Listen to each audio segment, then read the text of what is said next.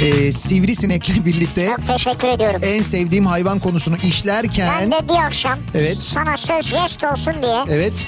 en sevdiğim insan konusunu açacağım. Çok teşekkür ederim. İnterneti bedavaya getirirdik sanarken ay sonu bir de telefon faturası gelince Anladınız ki meğer bak yokmuş. bak sizde varmış yani. Evet baga batmışsınız yani siz. İkinci yeni nokta.com'un sunduğu Türkiye'nin en kafa programı Nihat'la Sivrisinek hafta içi her akşam saat 6'dan 8'e Kafa Radyo'da. İkinci yeni nokta.com'un sunduğu Nihat'la Sivrisinek başlıyor. İkinci yeni nokta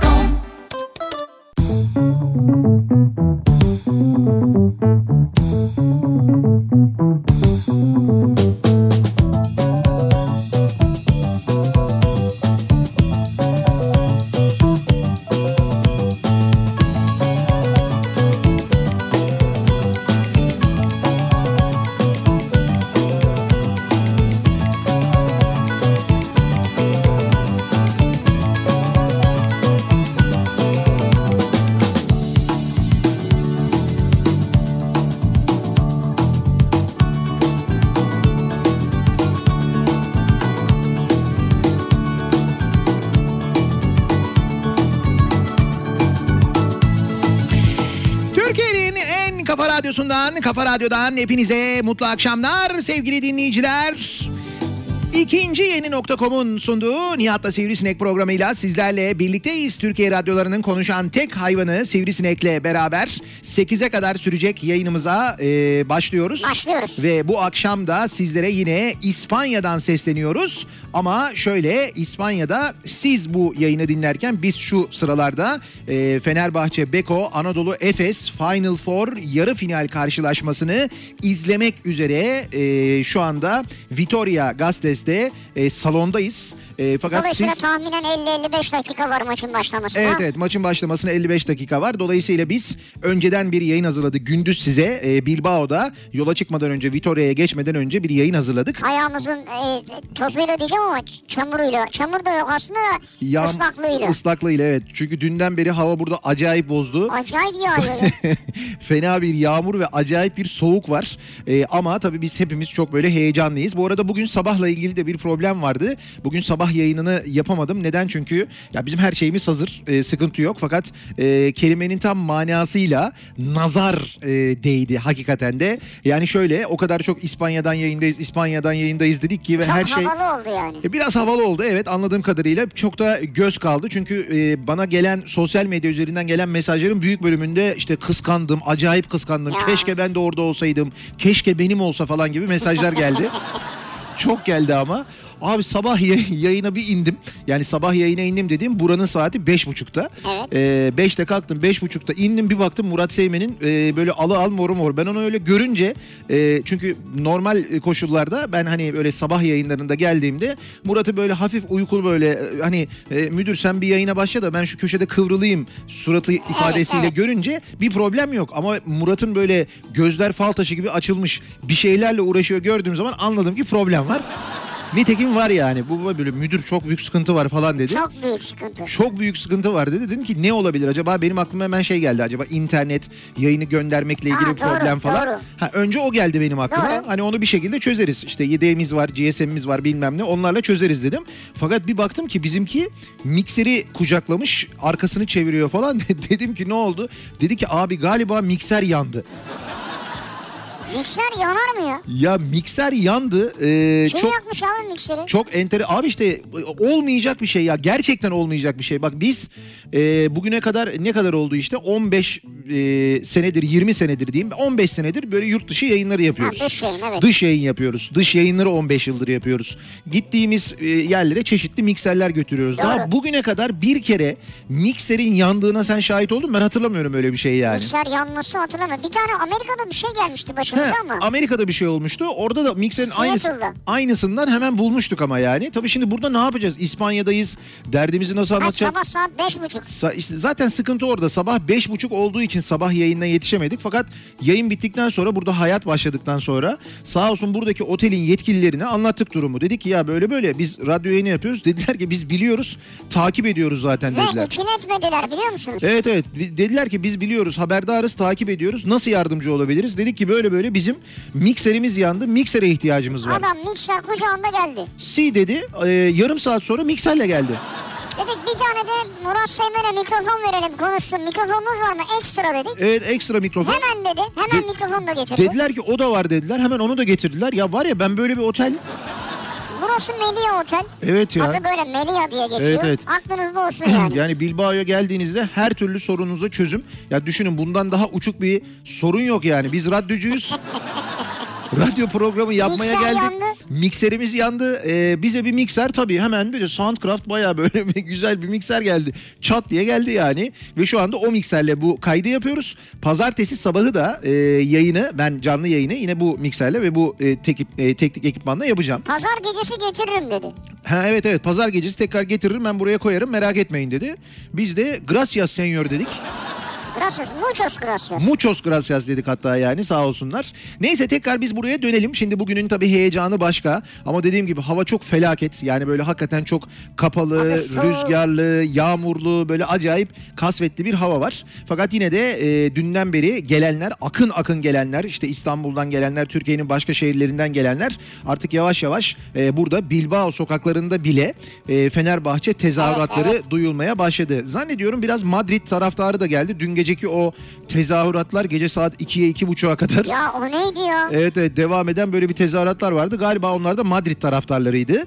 Ee, dolayısıyla bayağı böyle bir e, e, çekişmeli, eğlenceli bir Final Four olacak gibi Bizim görünüyor. otelin önünde geldiler bağırdılar 2'ye iki buçuğa kadar. Özellikle bizi uyutmamak için. He. Yani bugün biraz enerjimiz düşük olsun diye. Bizim için mi yaptılar E diyorsun tabii ya? yani dediler ki Türk taraftarları uyutmayalım yani. Ki biz bugün şey yapmayalım, bağırmayalım diye. ya. Bağırmayalım diye. Ama gördüğünüz gibi enerjimizde en ufak bir düşüş, en Şimdilik ufak yok. bir eksilme, Akşama da olmaz. eksilme yok. Yani yayın sırasında böyleyiz. Evet, Yayından evet. sonra maç sırasında da devam. Evet, biz gerçekten e, bir kez daha bu e, tarihi Final Four diyeceğim ben buna. Çünkü gerçekten de tarihi. Tarihi. Bir kere e, Fenerbahçe Beko üst üste 5. kez e, Final Four'a geliyor. 5 kez üst üste Final Four'a gelen bir Türk takımı Evet. olmadığı gibi e, tarihte de e, Final Four'larda zannediyorum bizim önümüzde bir tek CSK var. Onlar 8 e, sezon üst üste gelmişler. CSKA. Yani şu bu şeyle birlikte bu Final Four'la birlikte 8. Biz şu anda 5.yiz. O gerçekten bizim açımızdan son derece önemli. Öte yandan e, Anadolu Efes 19 sene sonra Avrupa Kupalarında böyle yarı finale kalıyor. Tabii o zaman ismi e, Final Four değil ama Final Evet. Four'a da e, ilk defa aslında Final Four ismiyle bu sistemle ilk defa gelmiş oluyor. Ama bizim için en güzel tarafı iki Türk takımı Ya. yani Avrupa'nın en iyi 4 basketbol takımının ikisi Türk takımı. Türk basketbolunun da aslına bakarsanız geldiği yeri göstermesi açısından bence son derece önemli. Türkiye e, ısrarla ve inatla e, seyirci de olmasına rağmen insanlar basketbolu sevmesine rağmen salonlara gidip salonlarda maç izlemesine rağmen Türkiye'nin geneli kamuoyu gündemi basını ısrarla basketbolu görmezden gelmeye devam ederken çünkü bakıyorsunuz açıyorsunuz hala gazetelerin e, spor sayfalarını yani e, küçük yerler ayrılıyor. Hala Evet, küçücük evet. yerler ayrılıyor. Yani Avrupa şampiyonu oluyoruz. Küçük yerler ayrılıyor. Kadın basketbolunda inanılmaz başarılar var. Küçük yerler ayrılıyor. Voleybolla ilgili dünya çapında başarılar kazanan takımlarımız var. Küçücük böyle haberler ayrılıyor. Önem vermiyorlar. Varsa yoksa futbol. O onu dedi, bu bunu dedi. O onun arkasından bunu konuştu. Ötekinin işte e, e, transfer e, durumu var. O takımdan o takımı o mu geçecek, o mu alınacak falan. Bu daha fazla önemseniyor. Yani belki okuyucu daha fazla önemsiyor. İşte onu söylüyorum ben de Evet. zaten. Türkiye'nin genelinin Evet. e, maalesef böyle bir durumu var. Halbuki biz e, Avrupa çapında ki e, bir daha söylüyorum ben Final Four ya daha doğrusu Euroleague aslında dünyanın en önemli ikinci basketbol organizasyonundan bahsediyoruz biz. Bunun önündeki de bu arada uluslararası bir organizasyon değil aslında NBA. Tabii NBA bütün dünyada çok ilgi görüyor ayrı. Sonra en çok ilgi gören, en çok takip edilen, en çok izlenen yani bu işte rakamlarla, sosyal medyasıyla, televizyonuyla, maç yayınlarıyla en çok izlenen organizasyonu e, Euroleague ve biz Euroleague'de 5 yıldır üst üste Final Four'dayız. E, Fenerbahçe Beko olarak bakıyorsun bu sene iki tane Türk takımı var orada. Yani bunun hani mesela daha önemsenmesi için ne olması lazım Türkiye'de ben onu çok merak ediyorum. Yani NBA'de oynaması lazım. işte o teknik olarak mümkün değil. Yani NBA'den bir Türk takımını şampiyon çıkarırsak He, o, zaman o zaman olur. olabilir evet. Onun için de şöyle yapmamız lazım. Türk basketbolunu öyle bir noktaya getirmemiz lazım ki NBA'ye Türkiye'den oyuncu gitmesi lazım ama böyle çok oyuncu gitmesi lazım. Bir NBA takımının ilk beşinin Türklerden oluşması lazım. oluşması lazım. Ondan sonra da gizlice oraya sızdıkları için Hı hı. şampiyon olunca da formayı çıkartacaklar üstlerinden alttan Türk forması çıkacak. Oo plana bak. Plana bak ya. O zaman işte tamam. Bu Amerika'da bize zaten vergi koymuş galiba. Evet. Biz de böylelikle Amerika'ya tavrımızı koymuş oluruz. Tavrımızı bravo. Böyle bir şey yapabiliriz. Evet. Evet öyle bir şey yapabiliriz. Bu zam böyle olduğu zaman mı acaba biz e, basketbola gerçekten ilgi gösteririz yani? Bence o zaman bile bir gün gösterir. Yok yok bir gün bir gün. Ertesi gün yine şey olur işte. Fenerbahçe'nin müthiş transferi. Galatasaray kimi alıyor? Abi canım bitti o yani. çok daha büyük böyle yer Ya alır. şimdi Galatasaray Başakşehir maçı var Nihat'cığım yani. Yani kim Final Four? Ee, Ya olur mu ya? Final Four'daki bir şam, e, e, şampiyonluk gerçekten e, yani yıllar boyu hani böyle önümüzdeki yıllar boyu konuşulacak bir şey. Bu lig şampiyonluğu ki zaten çok tartışmalı biliyorsun bu sene Türkiye'de işte hakemler şunlar bunlar bilmem neler falan böyle acayip tartışmalı ve gerçekten keyif vermeyen bir futbol oynanıyor Türkiye'de bir taraftan da. Böyle bir şey de var aslında versin bakarsan. vermesin yani işte gidiyor mu?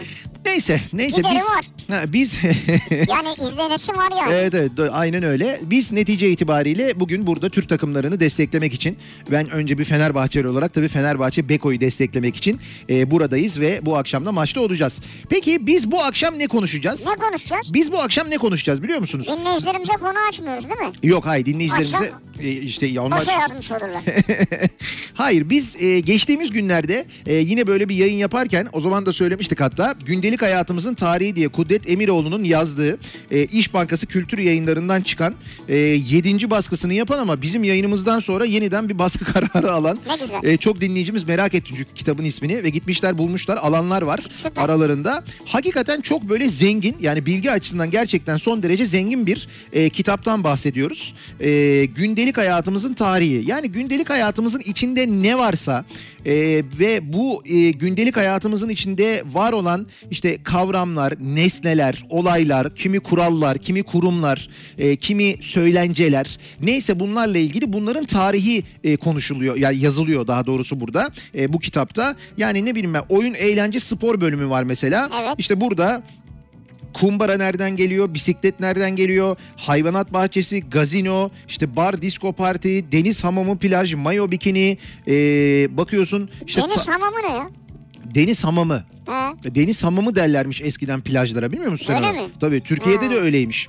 Türkiye'de e, İstanbul'da mesela İstanbullular e, bu 1800'lü yıllarda denize girmeye gittikleri yerlere deniz hamamı Ha derlermiş. plaj. Yani tarafı. Florya deniz hamamı, Menekşe deniz hamamı, ne bileyim ben işte Suadiye deniz hamamı diye. Ne zaman plaj haline gelmiş biliyor musun? Bu Bolşevik devriminden sonra Ruslar gelmişler ya Evet. İstanbul'a. O e, Ruslar e, tabii onlar böyle denize e, bizimkiler gibi girmemişler. Böyle mayo ile bilmem neyle falan filan. Ve Ruslar o dönem İstanbul'un kültürünü, eğlence hayatını acayip değiştirmişler. Allah Allah. Sonra plaja dönüşmüş hadise. O Plaj. deniz hamamı olmaktan çıkmış. Ondan Sonra sonra beach oldu zaten. Ondan sonra da evet sonra da e, onu kimler yaptı tam bilmiyorum ama sonra Kolda bileklikler günlük girişi 250 lira. ha, evet ondan sonra o şeye dönüştü. Bak şimdi mesela burada spor bölümü var ve burada e, spor bölümünde basketbol bölümü var. Şimdi madem biz basketbolla ilgili geldik burada Evet. yayın yapıyoruz ya. Ben hemen e, basketbol konusunu bir bulayım. Sen bu e, trafik durumunu vermedik ya gördün mü? İşte onu birazdan e, canlı Ama ben sana diyeyim İstanbul için yağış veriyor zaten sağlam. evet İstanbul'da da Cuma yağmur var. akşamı güzel trafik olur yani. Yalnız burada da e, sağlam trafik olacağını söylüyorlar şeyde kalabalıktan maç. Evet evet maçtan dolayı. Şimdi bakın basketbolla ilgili bilgiler şöyle. Uluslararası Federasyonun kuruluşu 1932. Basketbolun dünyada uluslararası federasyon Ha, haline 32. gelmesi 1932. Türkiye'de federasyon kuruluşu 1934. Aa ne güzel. Yani ben evet. çok geç söyleyecek sandım. İşte değil 1934'te dü- dünyada 32'de kurulmuş. Türkiye'de 1934'te kurulmuş. güzel ya. Uluslararası Federasyona Türkiye'nin kabulü de 1935 hemen bir sene Aa, sonrasında. Süper.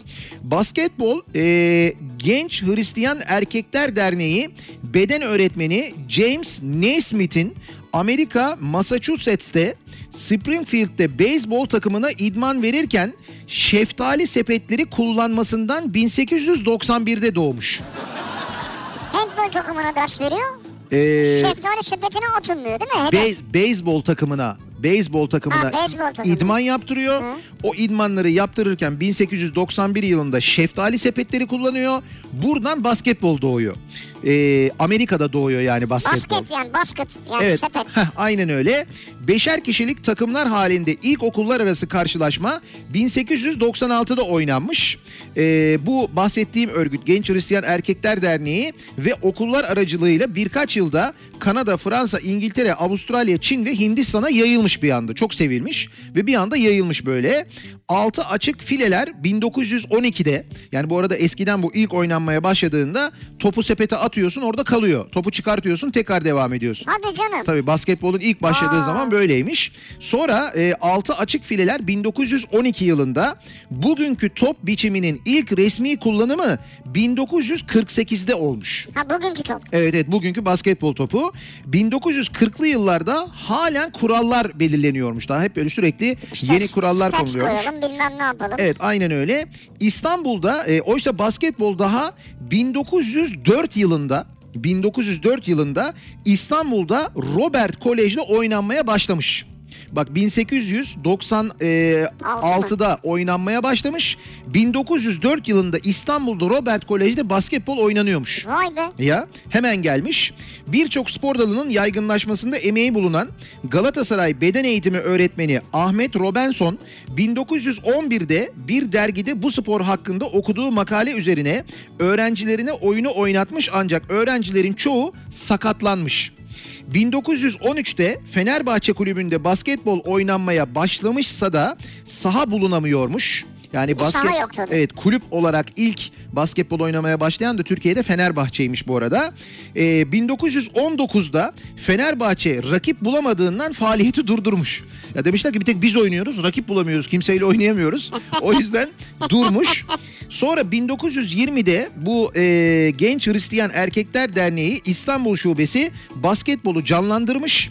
1921'de Darül Muallemini Aliye bahçesinde e, YMCA takımıyla Ahmet Robinson'un da yer aldığı Türk takımı ilk maçı yapmış. Bu maçtan sonra Galatasaray, Fenerbahçe, Nişantaşı, Kurtuluş, Beyoğlu, Barkaba, Makabi, Protkeba, İtalyan, Kartal takımlarının katıldığı İstanbul Ligi 1927 yılında kurulmuş. İstanbul Ligi kurulmuş Evet evet. 1927'de. 1920'de takımları takımları gördün mü? Bak Gördüm bal kabağını anlamadım bir tek. bal kabağı mı?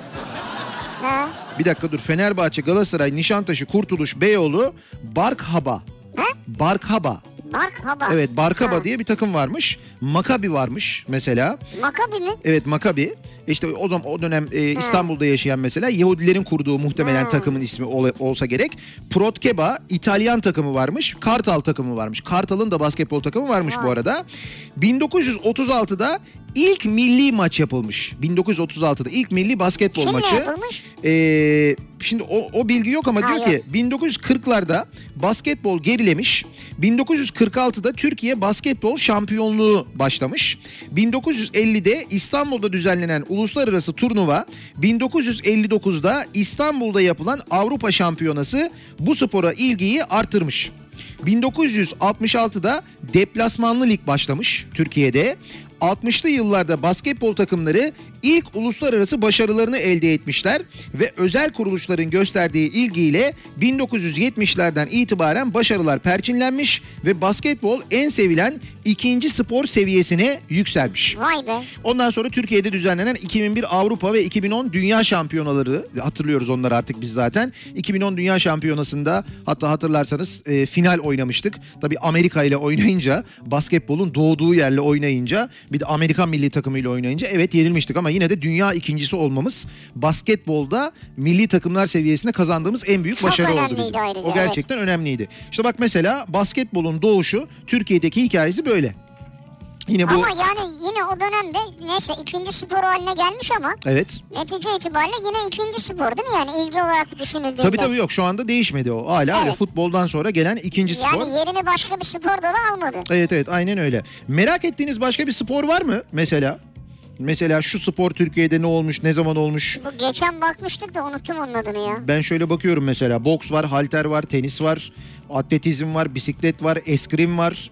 Ondan sonra Bu şey var mı? ne var mı? Curling. Curling. Curling yok. Yok. Buz hokeyi var mı? Futbol var.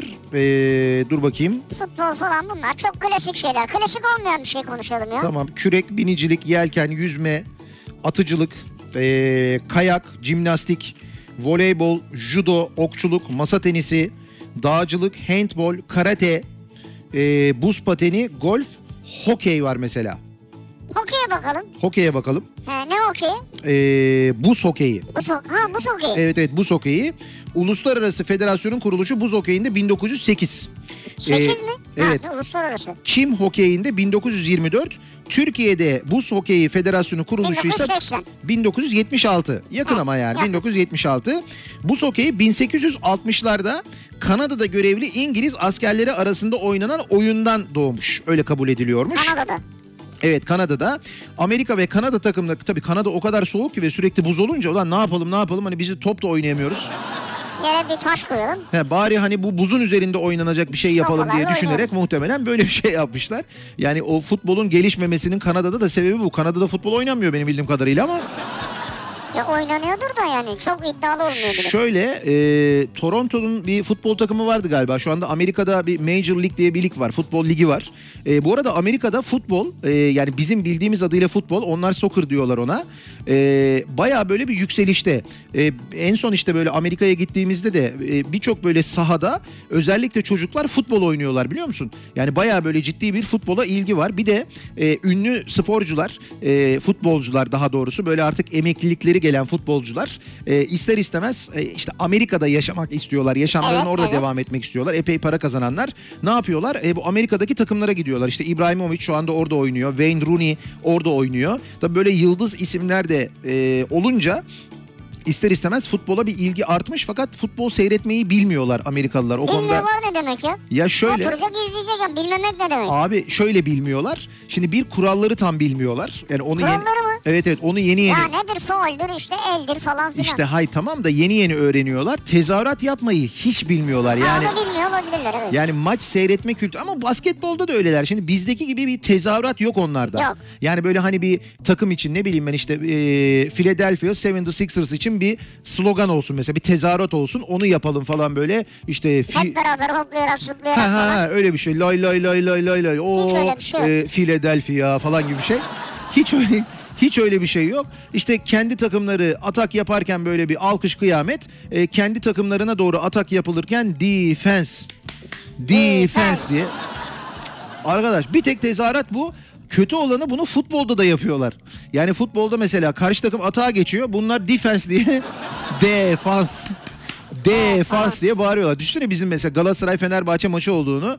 İşte Fenerbahçe atak yapıyor. Galatasaray taraftarı şey diye bağırıyor. Defans. Defans. Ya kibarlar işte ya. Evet, evet, diyelim. öyle. Ha, Avrupa'da tezahürat farklı tabii yani. Neyse bu Şimdi Kanada Futbol Federasyonu'ndan bir mesaj geldi. öyle mi ha? Nihat Sırdar'ı kınıyoruz diye. Oynuyorlar mıymış? Onlarda da var mıymış futbol? Futbolumuz iyidir diyorlar kendi içimizde. Neyse o yıllarda yokmuş. Ee, o nedenle e, Kanada'da doğmuş bu buz hokeyi. Amerika ve Kanada takımlarından oluşan lig 1917'de kurulmuş.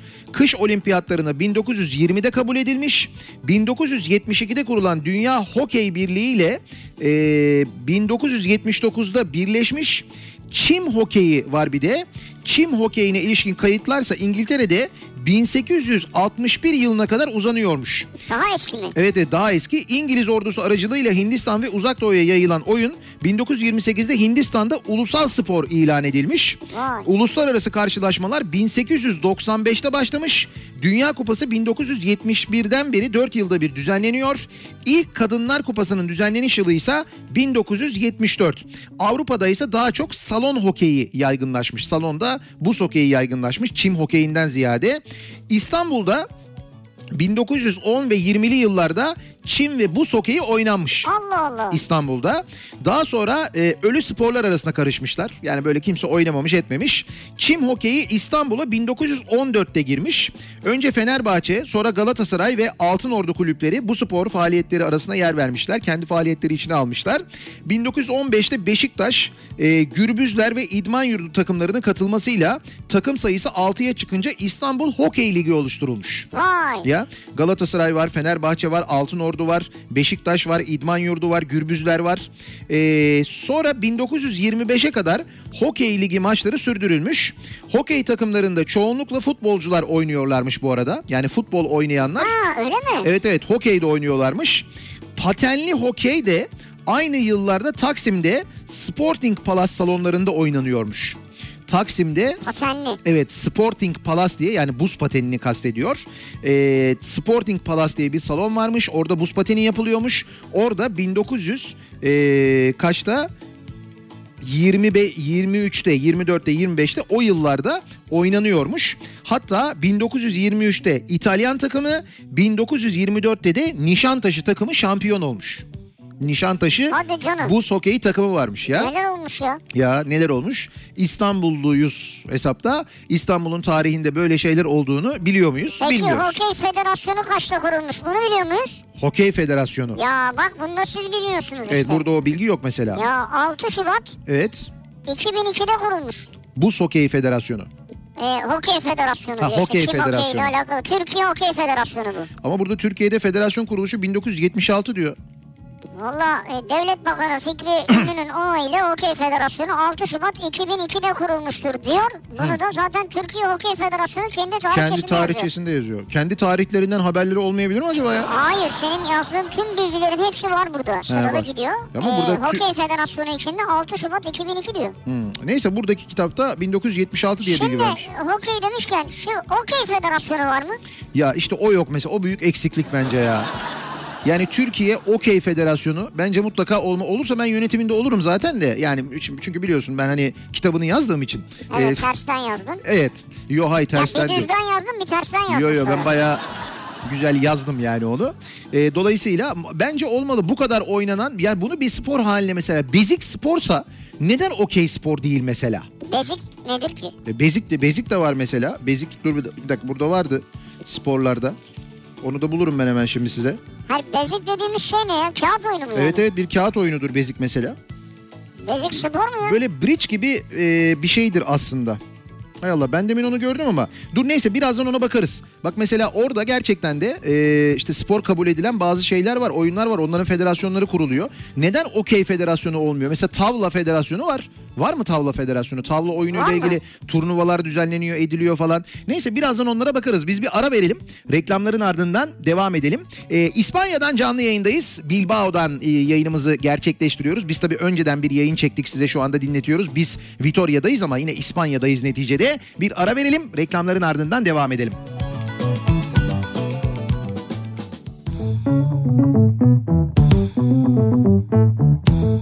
Kafa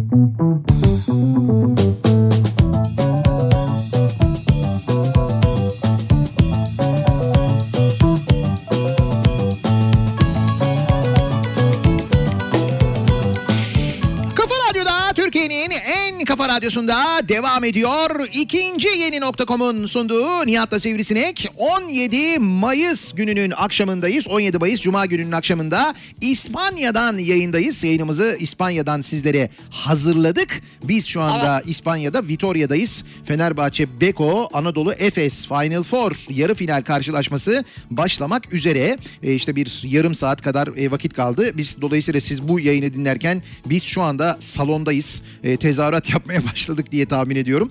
E, ve e, biz e, demin neden konuşuyorduk? Salon oyunlarına e, geliyorduk. Aslında basketbolun tarihini, dünyadaki ve Türkiye'deki tarihini konuştuk değil mi? Ondan sonra hokeyi konuştuk. Bir de tam oradan konu salon oyunlarına geldi. Neden okey mesela Türkiye'de hokey federasyonu var da neden okey federasyonu yok sorusuna Ha kaldık evet. Evet orada kalmıştık. E, dolayısıyla oradan da salon oyunlarına geldik. Ben onu merak ettim biraz da. Mesela tavla nereden gelmiş? Tavla nereden doğmuş biliyor musunuz bunu? Muratçım bu arada bir mikrofonunu da alırsan eğer e, sana da hoş geldin diyelim ve bugünkü çabalarından dolayı gerçekten çok teşekkür edelim ama e, senin çözemediğin bir teknik sorunu da ilk defa görüyorum.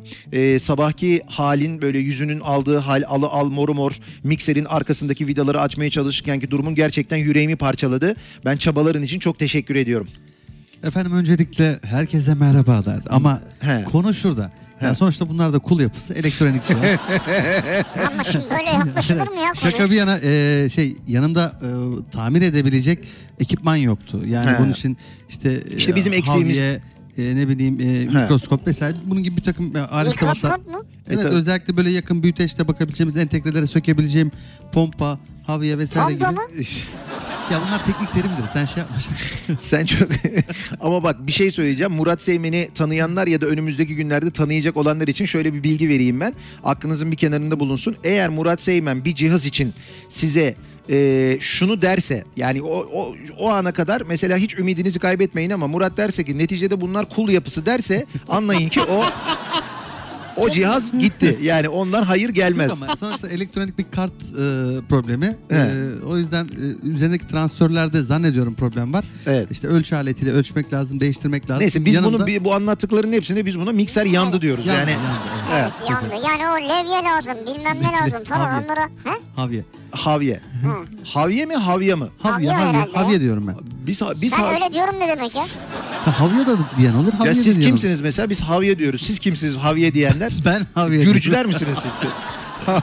Allah Allah ya. Havyedir onun adı işte. Havye, Havye, derler. havye. yani. Lehim yani, lehim. He, havye, lehim evet öyle derler yani. Neyse Muratçım e, yine de gerçekten çabaların için ama burada gerçekten biz bir kez daha e, yeri gelmişken bu e, Bilbao Melia Oteli hakikaten teşekkür ederim. Bu kadar hızlı bir çözüm. Gracias. Otelde aynı zamanda bir de radyo var. Ha evet doğru. Benim gördüğüm kadarıyla. Bir Radyo marka. O radyo ile iletişime geçemedik ama bir radyo da var burada. Evet radyo stüdyosu var. Biz aslında önce onu kullanırız diye düşündük. Fakat adamlar dediler ki "Ya gerek yok biz çözeceğiz dediler ve gerçekten biz ummadığımız e, ummadığımız teknik özelliklerde bir mikser getirerek çözdüler resmen Evet. yani. Sağ olsunlar. Neyse Muratçım e, Okey Federasyonu'ndan bahsediyorduk. E, sonra konu tavlaya geldi. Tavla nereden doğmuş olabilir? Ya Mısır. Da Mısır'dan mı doğmuş Mısır, olabilir? Bence Mısır'da. Peki şimdi bakalım o zaman tavla nereden doğmuş? Hint geleneğine göre e, tavlanın mucidi yani Hintmiş bu arada. Olsun tahmin olarak fena değildi yani. Hindistan, Mısır. Yani biraz mesafe var gerçi ya ama. mesafeye bakma yani o bir yorum Ben yaptı. tavla ile ilgili bir hikaye biliyorum ama böyle hayal meyal aklımda. Bir söyle bakayım nasıl ne biliyorsun? Ya O eski şey bir... kırmızı başlıklı kız gibi mi? Değil değil yani geçmiş zaman bir hükümdar e, bir kral He. e, bir yani Tamam teşekkür ederiz. savaş halinde olduğu bir e, ülkenin e, He. liderine Tamam. e, çözmesi için bir oyun gönderiyor. Tamam. E, o geliştiriliyor onun veziri tarafından sonra daha da geliştiriliyor ve tavla haline geliyor gibi bir şey hatırlıyorum ama arada Mısır da var sanki böyle iki hükümdar arasında gidiyor geliyor o oyun ve sonra geliştiriliyor gibi bir şeydi. Çok güzel hatırladın. Gerçekten böyle bir iki hükümdar var. Arada gidiyor geliyor. Bir şeyler oluyor falan böyle. Vezir mezir falan oyunu çözmesi için. Ya bu mesela şey hasta hali değil. Hasta haliyle bir de masal anlatıyor. Onu da dinlemeniz lazım. Onu da dinletelim bir ara. Bende Ya, kaydı var duruyor ana biliyorsun. hatlarıyla böyle bir şey yani. Şimdi bakalım öyle miymiş?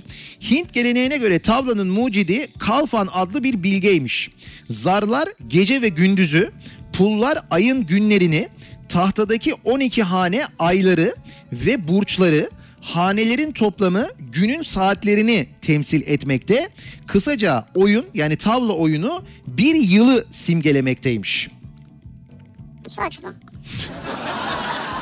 Ya Hint geleneğin tavlanın mucidi Kalfan adlı bilge diyor ya. Saçma ne demek yani? Bilge güzel.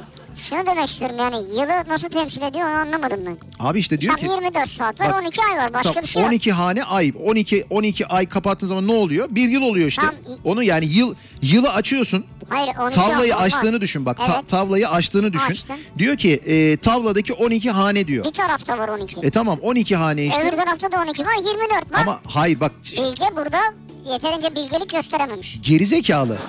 Bak o bilge ya. Kaç kişi oynuyor bu oyunu? İki kişi. Evet. Her kişiye bir yıl oluyor işte. Bir yıl onun bir yıl onun oluyor. Bu mu yani? Evet. e tabii ne olabilir yani açıklaması bu işte Ee, yani. sonra? E tamam ne- neyse dur şimdi. Sonra Günün neydi? Saatler nasıldı? saatler var işte. Nasıl? Ee, burç 12 hane ayları ve burçları hanelerin toplamı günün saatlerini temsil etmekte diyor. Yani 24. Hayır 12 işte. 12 saat 12 Günün saat. saatleri diyor işte. İşte tamam 12 gündüz 12 gece. Tamam. Tamam. 24 saat işte. Gündüz ve geceyi söylüyor işte E yani. orada niye adam başı 24'er saat yok? O, o zaman tavla çok büyük oluyor. o zaman oynayamazlarmış. Onun pratik olması lazım diye böyle. Bak bilgenin açığını yakaladık. Orta Doğu geleneğine göre bu oyunu Nuşirevan'ın veziri Nürdü Çehri icat etmiş. Benim vezir işte tamam. Ya dur senin veziri sen Mısır falan dedin. Adam haklı ama. Dur devam edelim. Ee, Farsça, Osmanlıca şeşter yani nert denmekle ve sayılar Farsça sayılmakla birlikte Türkçe adı İtalyanca masa veya tahta anlamına gelen ve birinci yüzyıldan beri kullanılan tavola'dan geliyormuş. Tavola. Tavola. Evet Aa, bak tavla. Tavola'dan geliyormuş. Ee, milattan önce 3000 yılında Sümerlerin tavla benzeri bir oyun oynadıkları da bu arada anlaşılmakta.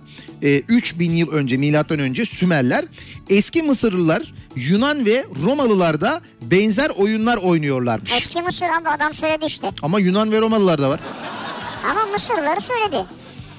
Akdeniz ülkelerinde halen oynanan eski Romalıların Ludus Duodecim ee, ne bu? Scripturum yani 12 çizgili oyun oyunu tavlaya çok benziyormuş.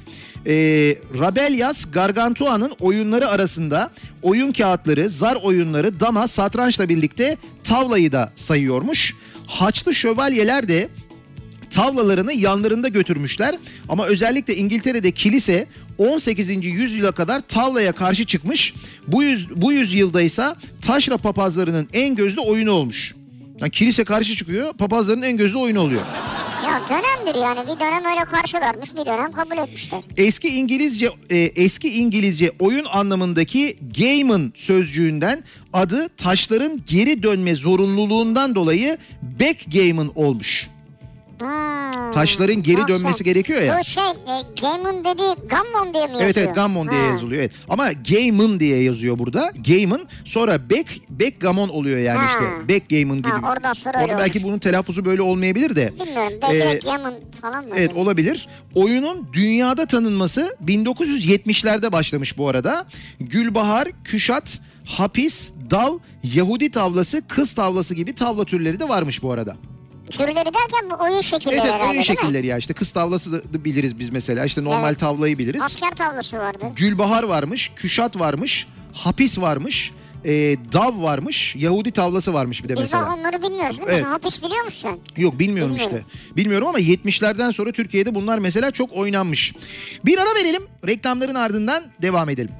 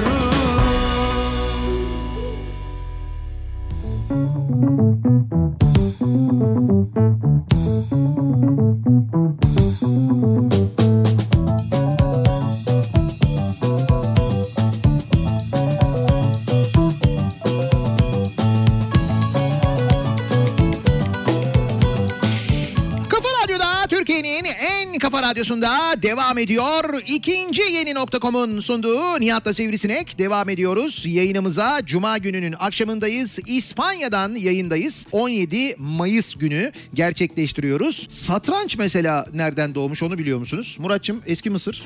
Onunla ilgili bir bilgi yok bende. Yok mu? 400 yıl önce Hint İmparatoru Pers İmparatoruna bir oyun göndermiş. Bu bir satrançmış. Öyle ya ne bileyim öyle bir rivayet yazıyor. Geleneğe göre Hakim Nasır Dür tarafından Hint hükümdarı Talmen Şah için icat edilmiş. E, satrancı bulan Brahman'ın hükümdarın dile benden ne dilersen teklifine karşılık her kareye bir öncekinin iki katı kadar e, buğday tanesi istediği önce bu isteği çok az bulup şaşıran hükümdarın tane sayısının 18 Lan bu ne? Ne o? Şimdi hane var ama bu kaç okunuyor acaba?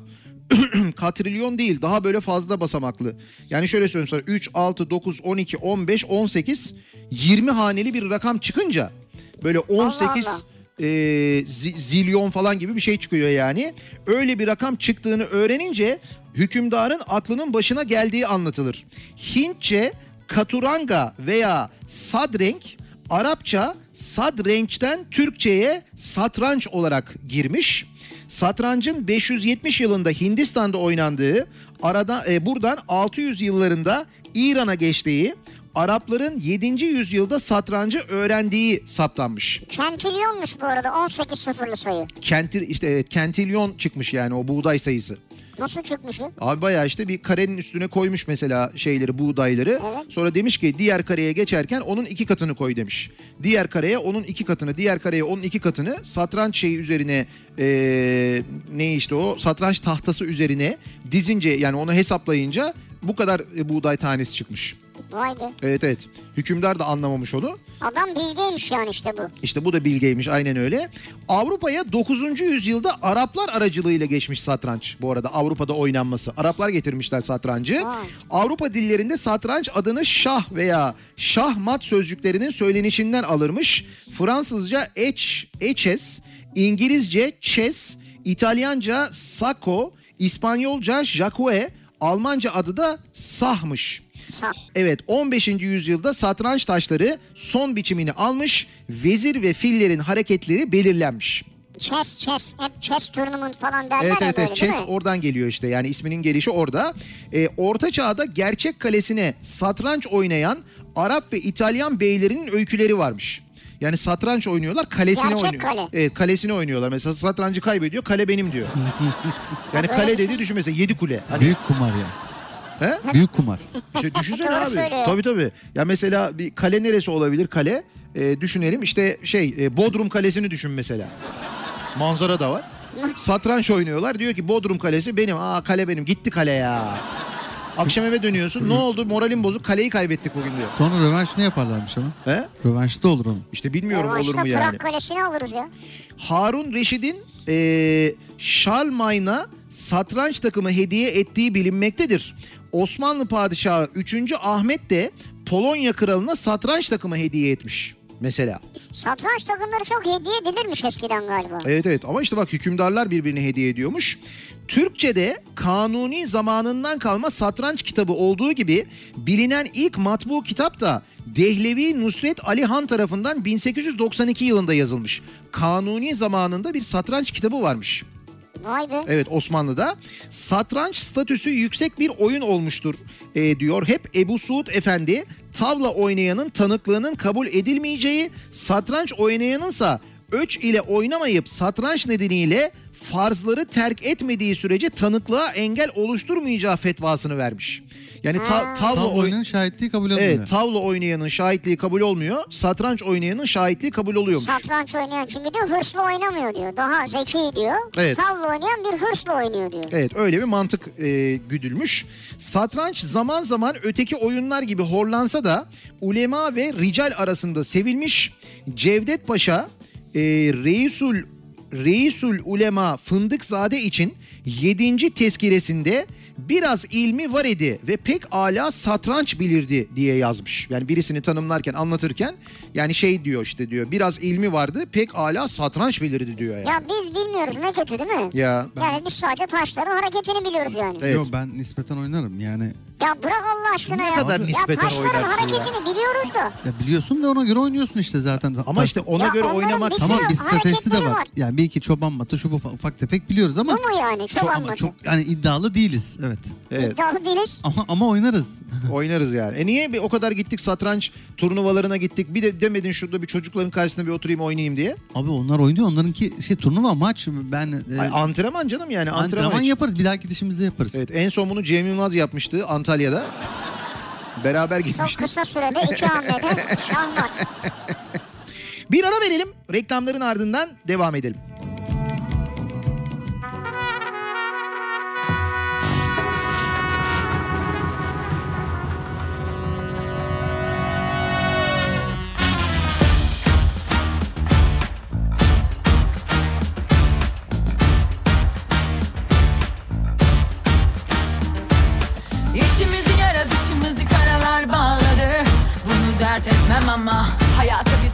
Sıfır geriden başlamak mühim değil. Allah aşkına yine başlama. Deli deli gönlüme seni beni koymak zor.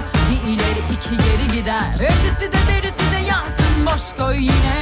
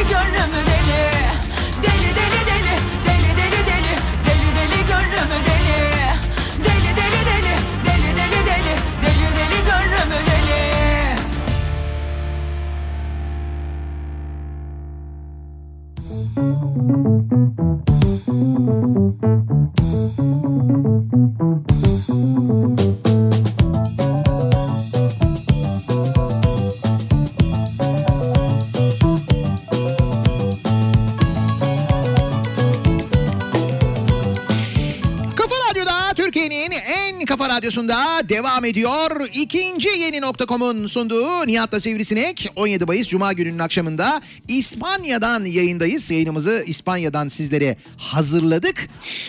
Ferdi Dünya Satranç Şampiyonluğu 1886'dan beri düzenleniyormuş. Türkiye'de Ankara'da 1936'da, İstanbul'da 1943'te Circle Orient binasında satranç dernekleri kurulmuş. Bu yıllarda Türkiye ilk resmi dünya yarışmasını 1920'de 27'de düzenleyen Uluslararası Satranç Federasyonu'na 1962'de üye olmuş ve ilk kez 15. Dünya Turnuvası'na katılmış. Ferdi Türkiye Satranç Şampiyonası da 1965'te başlamış. Şimdi tabii satranç deyince özür dilerim burada bir parantez açmamız lazım. Tabii. Çünkü son yıllarda Türkiye'de satrançta müthiş bir büyüme ve müthiş bir ilerleme var. Bunun da sebebi Türkiye Satranç Federasyonu ve Türkiye Satranç Federasyonu'na destek veren ana sponsor olan İş Bankası. Çünkü e, bu son yıllarda o kadar çok satranç sınıfı kuruldu ki okullarda Çok. ve e, biz satranç sınıfı kurmak istiyoruz diyen okulların hepsine istisnasız neredeyse destek verildi ve organizasyon giderek büyüdü. Bugün satranç bir seçmeli ders okullarda bir taraftan ve biz her sene e, katılıyoruz. E, işte sömestr tatili zamanı oradan biliyoruz. Türkiye işte gruplar, yaş grupları satranç şampiyonası düzenleniyor. Genelde Antalya'da oluyor bu. Türkiye'nin her yerinden ama gerçekten de bakın Türkiye'nin her yerinden yani Her şehrinden. Hakkari'den Artvin'e kadar işte böyle Edirne'den e, ne bileyim işte Muğla Köyceğiz'e kadar Yani ilçesinden mezrasından. her yerden öğrenciler geliyorlar. Mesela e, nereden gelmişlerdi? Karadeniz'in bir kentinden gelmişlerdi. E, böyle bir ilçeden gelmişlerdi. E, bir satranç sınıfı oluşturmuşlar ama satranç sınıfını oluşturan orada görev yapan bir komiser. Yani satranca ilgi duyuyor. E, mektup yazıyor Satranç Federasyonu'na. Burada diyor gençler var. Yani bu gençler eğer bir şeyle ilgilenmezlerse onlar hani kötü işlere bulaşacaklar. Öyle olmasın. Siz bize bir satranç sınıfı kurmak için yardımcı olun diyorlar. Hemen yardımcı olunuyor. Ve bir satranç sınıfı kuruluyor. O çocuklar satrançla uğraşıyorlar ve onlar yaş grupları şampiyonasına gelmişlerdi Antalya'da. Biz görmüştük Evet, hakikaten evet. çok etkilenmiştik hikayelerinden. Ee, Mardin'den 8 yaşında bir kız çocuğu geçen sene, e, geçen sene mi ondan önceki sene mi ne e, yaş gruplarında dereceye girip milli takıma girip milli takımda Türkiye'yi Budva'da Karadağ'da yapılan e, Avrupa Şampiyonası'nda temsil etti. Yani 8 yaşında bir kız çocuğundan ve Mardin'in bir köyünden çıkan Ne bir kız güzel ya. çocuğundan bahsediyoruz. İşte satranç Türkiye'de belki farkında değil. Yine medyamız sağ olsun hiç ilgilenmiyor konuyla ama gerçekten de çok önemli bir noktaya doğru geliyor. Ne kadar da kıymetli bir spor olduğunu aslında yani bir salon oyunu olmaktan öte bir spor olduğunu aslında net bir şekilde gördük. İşte tarihini ligleri var yani. Türkiye İş Bankası Satranç Süper Ligi var mesela. Evet evet Süper Lig var doğru. E, işte milli takım giderek büyüyor doğru. Uluslararası turnuvalarda çok büyük başarılar kazanıyoruz. Bir şampiyonluklarımız var, de- derecelerimiz, altın madalyalarımız var doğru. Ve bunlar giderek de artıyor. Her sene biraz daha başarı, her sene biraz daha başarı koyuyoruz. üstüne. Nihat'cığım neden bir okey federasyonu yok ya? İşte o soruya hala Ve okey oynayanın acaba şahitliği kabul edilir mi? ha, o kesin kabul edilmez ben sana söyleyeyim. Mümkün değil. Aa İskambil var mesela İskambil. Dur ondan bahsedelim ama bir ara verelim. Reklamlardan sonra devam edelim.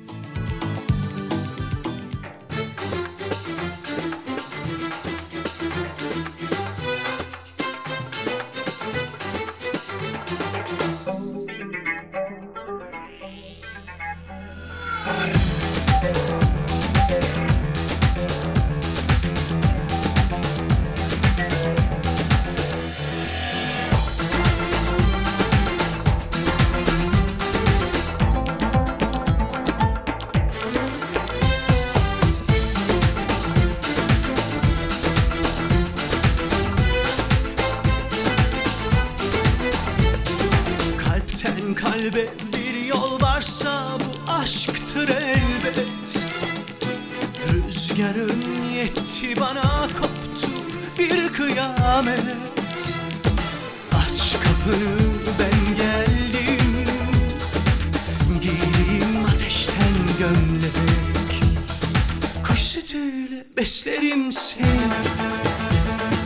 Mis yerine koklarım seni. Kalbimin sarayları senin. Sen ağlat ben severim seni üstünde tutarım seni. Dizimde uyuturum seni. Kalbimin sarayları senin. Ben seni yaşatırım seni. Tut kolumdan çek götür beni. Diye içine çek beni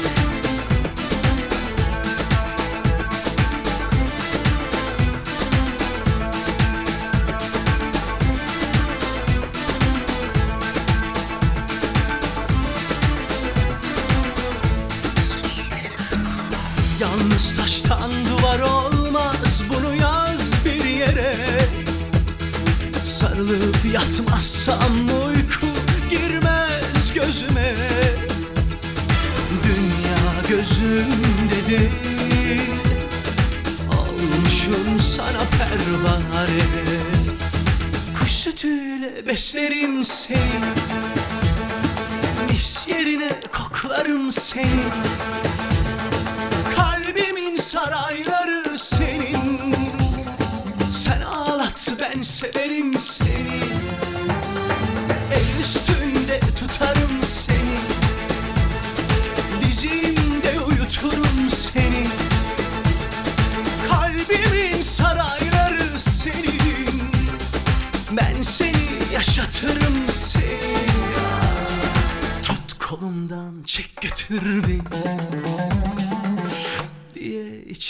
çek beni Tut kolumdan çek götür beni.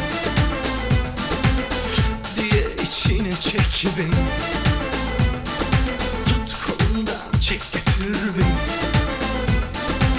beni. Diye içine çek beni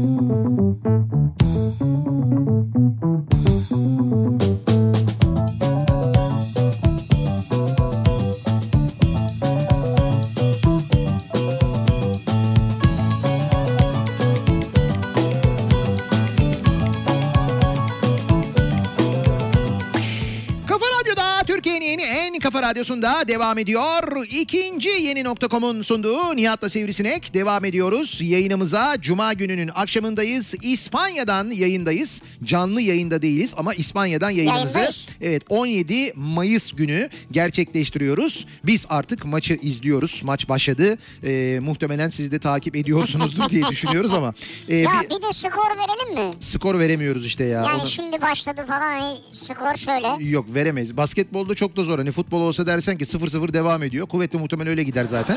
Ha burada zor değil mi? Burada zor. Öyle E bir şey şu an diyemeyiz. şey desek mesela skor şu an 5-2 yani mesela. Yok yani olmaz o. O da doğru olmaz. Çok tutturamayız yani ya Olmaz mı? mümkün değil. Çok ya zor oluyor. tutarsa? Şimdi biz e, salon oyunlarından bahsediyorduk ya demin. Evet. Salon oyunlarına devam etmeden önce ben e, bir bilgi vereyim. Şimdi biz tabii bugün 17 Mayıs, e, 19 Mayıs pazar gününe geliyor. 19 Mayıs biliyorsunuz Atatürk'ü anma ve aynı zamanda Gençlik ve Spor Bayramı. Atatürk'ü anma mevzunun nereden geldiğini hafta başı e, pazartesi günü Samsun'dan yayın Yayında, yaparken evet. sizlere anlatmıştık. Mustafa Kemal Atatürk'ün ve arkadaşlarının 16 Mayıs'ta Bandırma Vapuru'na binmeleri, Samsun'a girmeleri ki burada mesela şey de vardır. Aslında İnebolu'ya çıkacaktı ama fırtına sebebiyle Samsun'a yöneldi. Samsun'a çıktı gibi tarihte anlatılan bazı şeyler de vardır. Neyse Samsun'a çıkışı, sonra Samsun'dan Havza'ya geçişi, Havza'da ilk açık hava toplantısını yapışı, burada alınan kararlar, milli mücadele ilgili, ilgili yol haritasının belirlenmesi, işte sonrasında da milli mücadelenin Evet, başlaması, başlaması. kongreler kongrelerin ardından. E tabii e, Samsun'a Samsun'un e, Türkiye Cumhuriyeti'nin kuruluşunda ve Kurtuluş Savaşı'ndaki yeri bu kadar kıymetli olunca, bu kadar önemli olunca doğal olarak Samsunlular da demişler ki 19 Mayıs Gazi'yi anma günü olsun.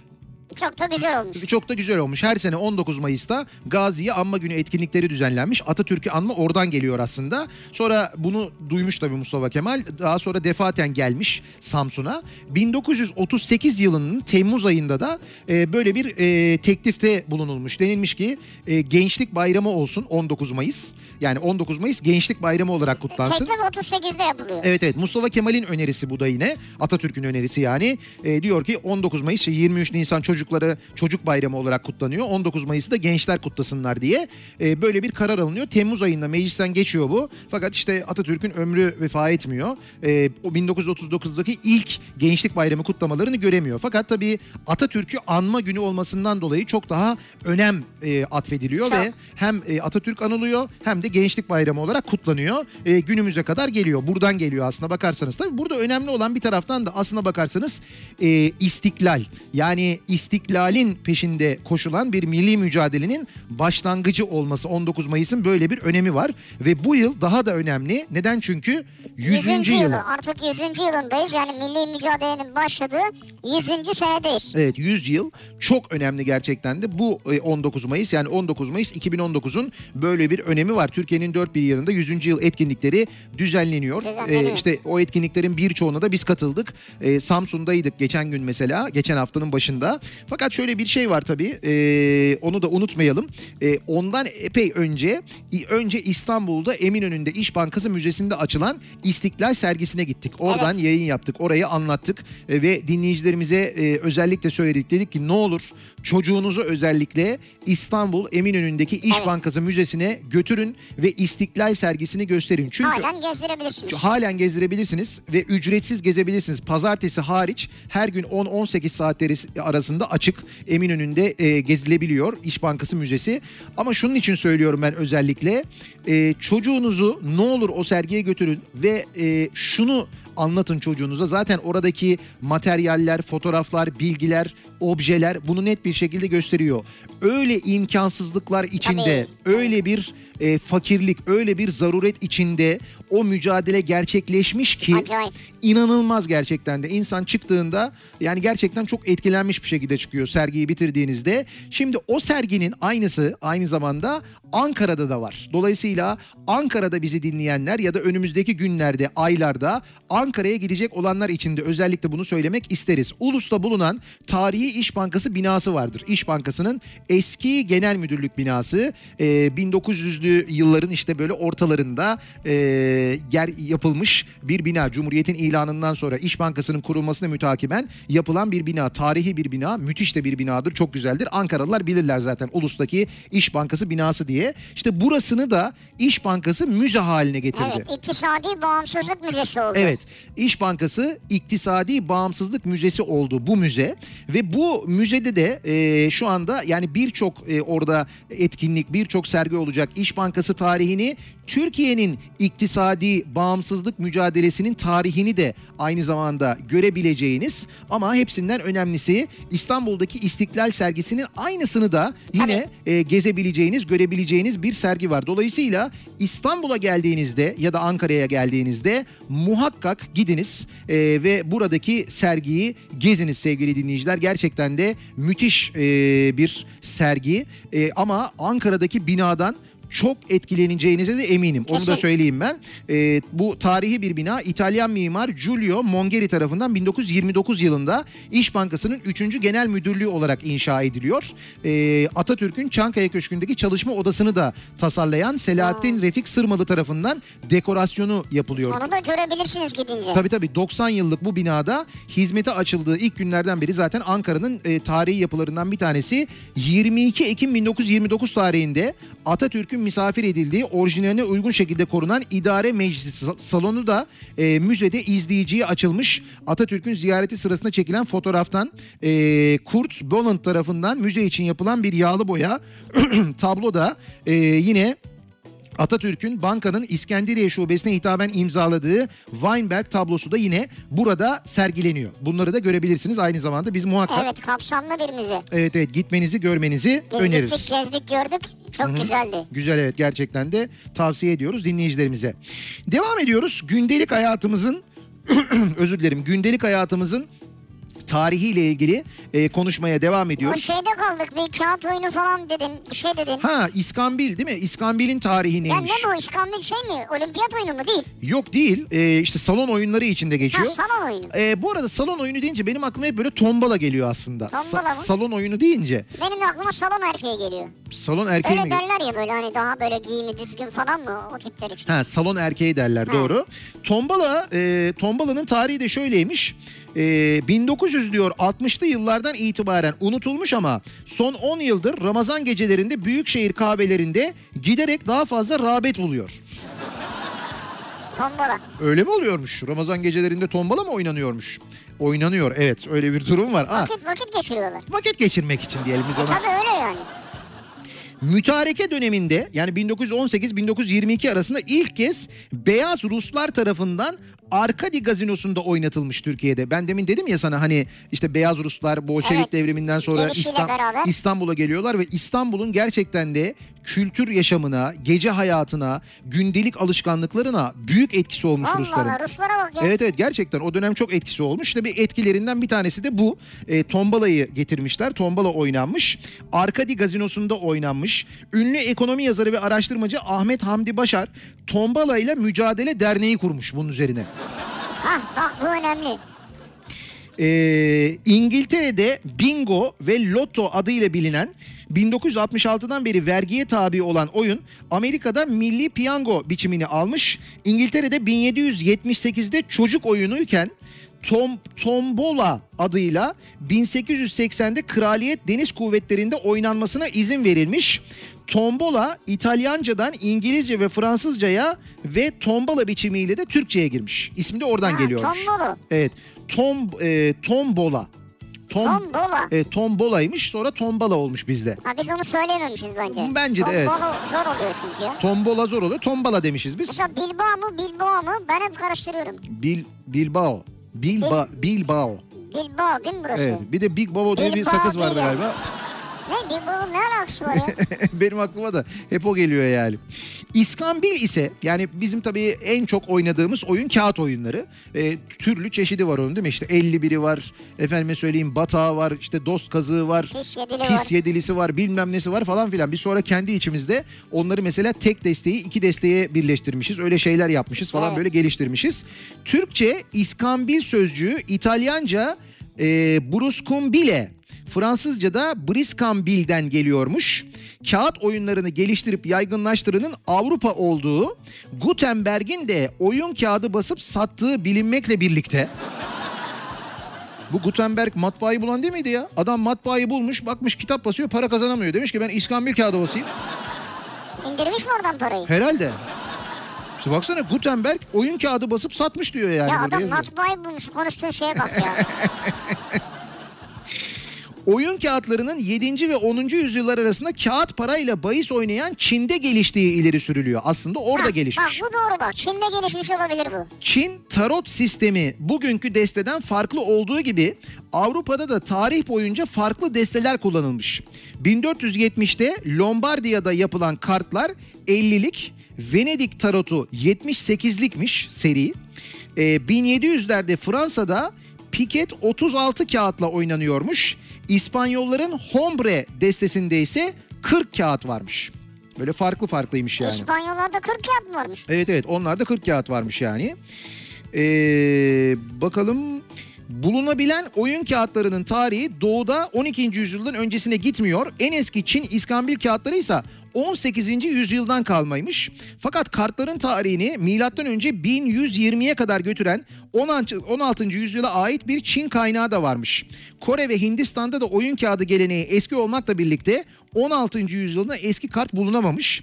1377 yılında Floransa Şehir Meclisi 25'e karşı 98 oyla o dönemde yaygınlaşan Naibe adlı oyunu yasaklama kararı almış. Naibe. Evet Naibe diye bir oyun varmış. Allah Allah ne acaba? Böyle bir iskambil oyunu. Ama bu belli ki tarihi çok eski değil bunun yani. Abi çok eski değil mi? Milattan önce 1120 Ya diyor ya. o hikaye yani efsaneye göre diyor. E baksana çünkü 16. ve 18. yüzyıldan önce işinden rastlanmıyor diyor. Diyor ki bak e, Kağıt yok çünkü yani. 1379 yılında İtalya'da Serasinia'da Serasinia'dan yani Müslüman ülkesinden gelen bir iskambil oyunundan söz edilmekte. 1393 tarihli bir kaynakta ise oyunun adı Naibi olarak bildirilmektedir. İspanya'da bugün de iskambil oyununa Nepes deniyormuş. Nepes. Evet Nepes deniyormuş. Gerçekten de Metin And'ın Tarih ve Toplum Dergisi'nin 25. sayısında Ocak 1986'da çıkmış bu Evet.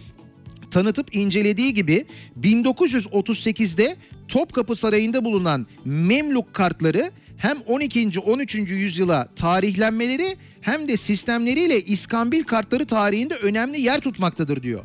Bak Topkapı Sarayı'nda varmış bunlar Memluk kartlarıymış 12. 13. yüzyıla aitlermiş. Ha onlar da daha eski de yani. Evet daha eski.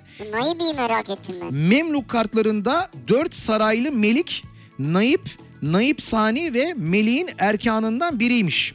Memluk destesinden 47 kart bugüne kalmış olmakla birlikte 50 kartlık olduğu sisteminden anlaşılmaktadır. 3 kartı çalmış birisi demek ki.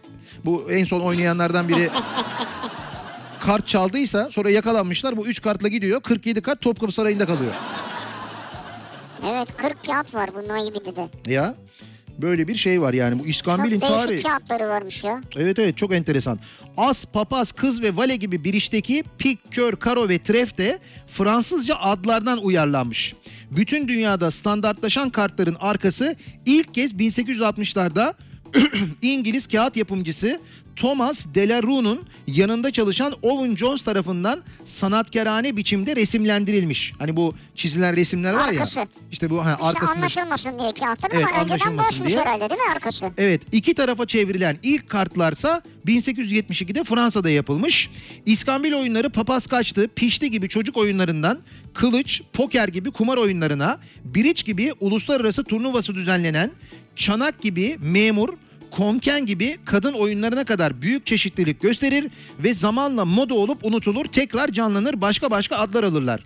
Hacı Şeyhoğlu Ahmet Kemal'in e, az öncekilerden başka saydığı oyun adları şunlarmış. Bak şu İskambil oyunları varmış. Bu topraklarda oynanmış. Türkiye'de oynanmış zamanında. Miti, iki kol, dört kol, altı kol, O 66... makine abi şey değil İskambil değil ki makine. İki kollu makine. Hayır değil işte. Kağıt Dört kollu oyunlarını makine sayıyor. çekiyorsun jeton düşüyor. Konsolit, POM e, ve İstanbul'da kömürcü denilen tramvay, zengin tramvay, sesli ve sessiz prafa, piket, bezik, laskene, frap, Yahudi pastrası, cimdal diye de biliniyormuş.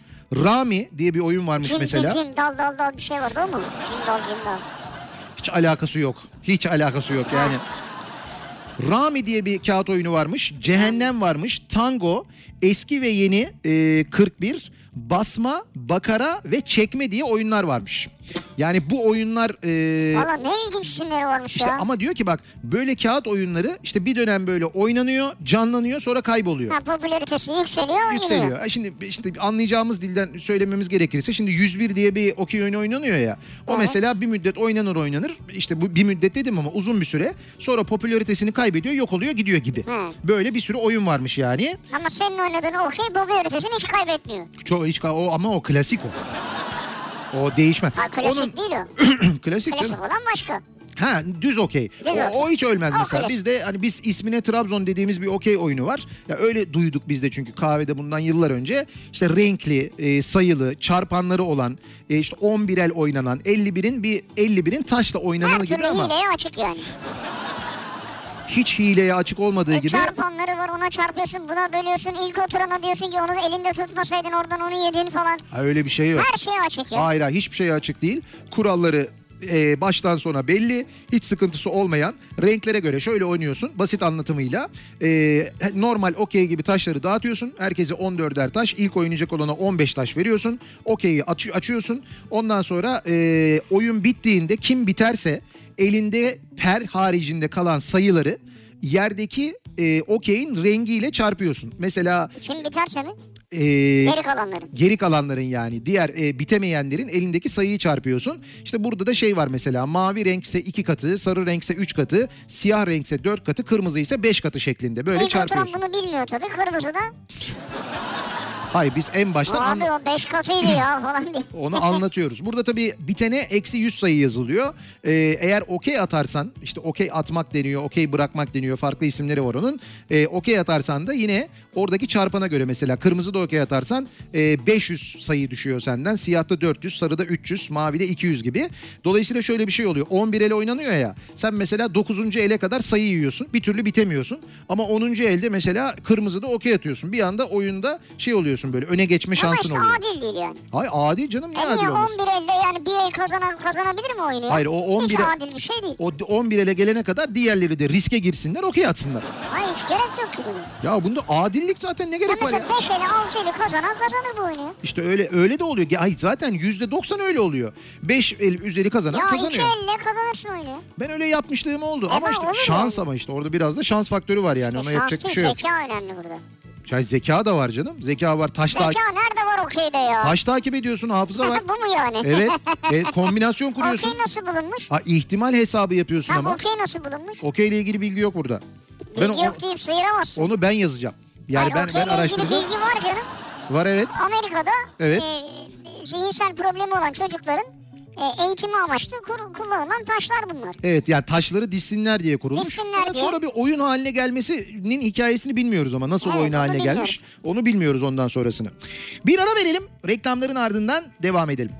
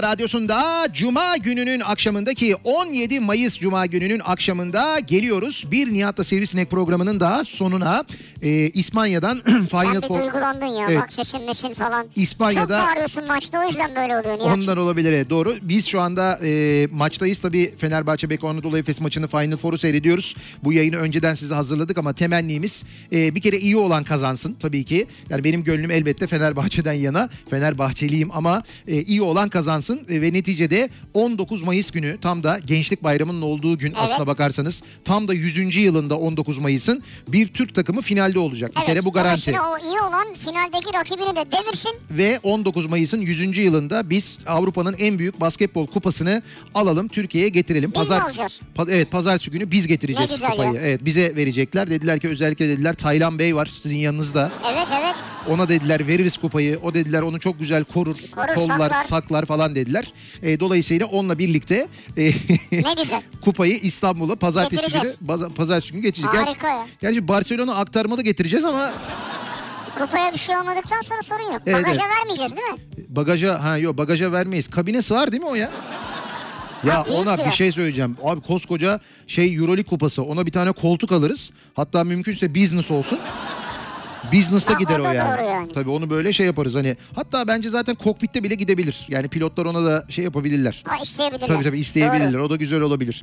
İnşallah kupayı alırız döneriz. Öyle bir hafta sonu olur. Güzel bir hafta sonu olur. Sizin için de güzel bir hafta sonu olur. Biz e, Mustafa Kemal'i Atatürk'ü bize bu cumhuriyeti armağan eden bir milli mücadeleyi başlatan Mustafa Kemal'i ve silah arkadaşlarını rahmetle ve sevgiyle anıyoruz. Saygıyla anıyoruz, eğiliyoruz önlerinde Evet bir kez 19 daha. Mayıs Gençlik Bayramınızı da aynı zamanda kutluyoruz. Hem genç olanları hem de kendini genç hissedenlerin de bayramını aynı zamanda kutluyoruz. Milli mücadelenin başlayışının 100. yılıdır. Bu 19 Mayıs hepsinden de mühimdir, hepsinden de önemlidir. Üzerinden 100 yıl geçmiştir. 100 yıl önce başlayan bir milli mücadelenin bizi getirdiği nokta işte budur. Yani bağımsız bir cumhuriyet oluşumuz. Evet e, işte tartışılabilir, konuşulabilir politik kimi tartışmalar, siyasi kimi tartışmalar bir yana ama hepimizin elinde Türkiye Cumhuriyeti vatandaşı olduğumuza dair e, bir nüfus kağıdı varsa, e, bir bağımsız ülkenin, bir cumhuriyetin Tabii vatandaşlarıysak biz o milli mücadeleye ve o milli mücadeleyi yapanlara bunu borçluyuz. Bir sürü ülkeyi geziyoruz biz. ne şey sömürge ülkelerde ne Evet.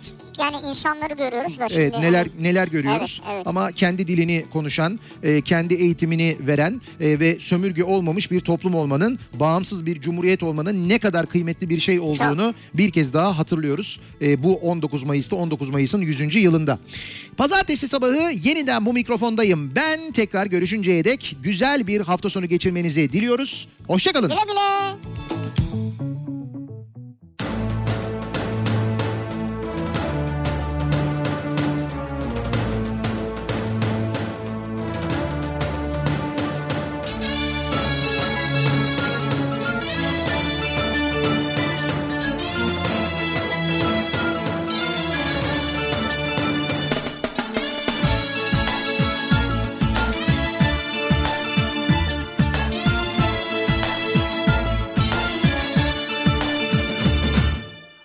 Acı dolu günleri geçtik seninle.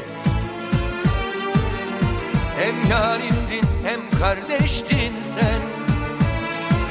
Acı dolu günleri geçtik seninle. Son ümidim tek çaremdin sen. Eskiyen yıllar uçuşurken. Defterimde ortağımdın sen Yapma yapma yapma ne olursun. Bir canım var al senin olsun. Unutma aylar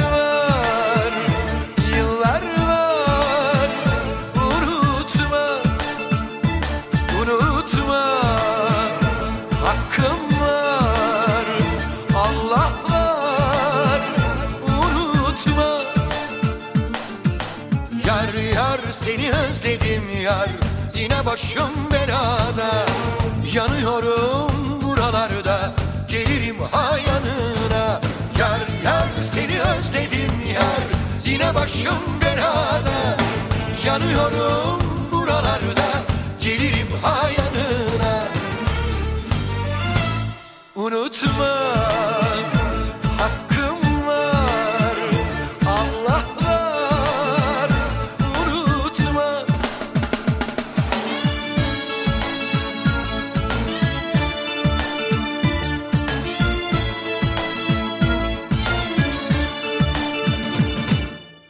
Acı dolu günleri geçtik seninle.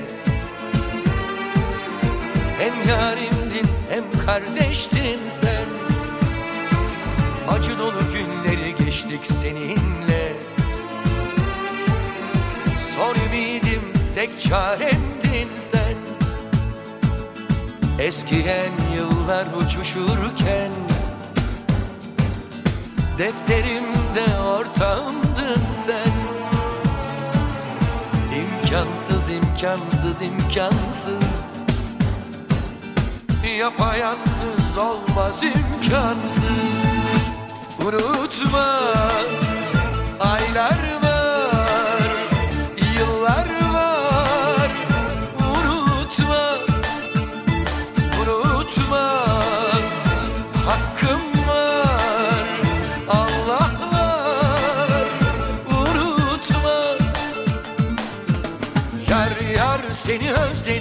yar.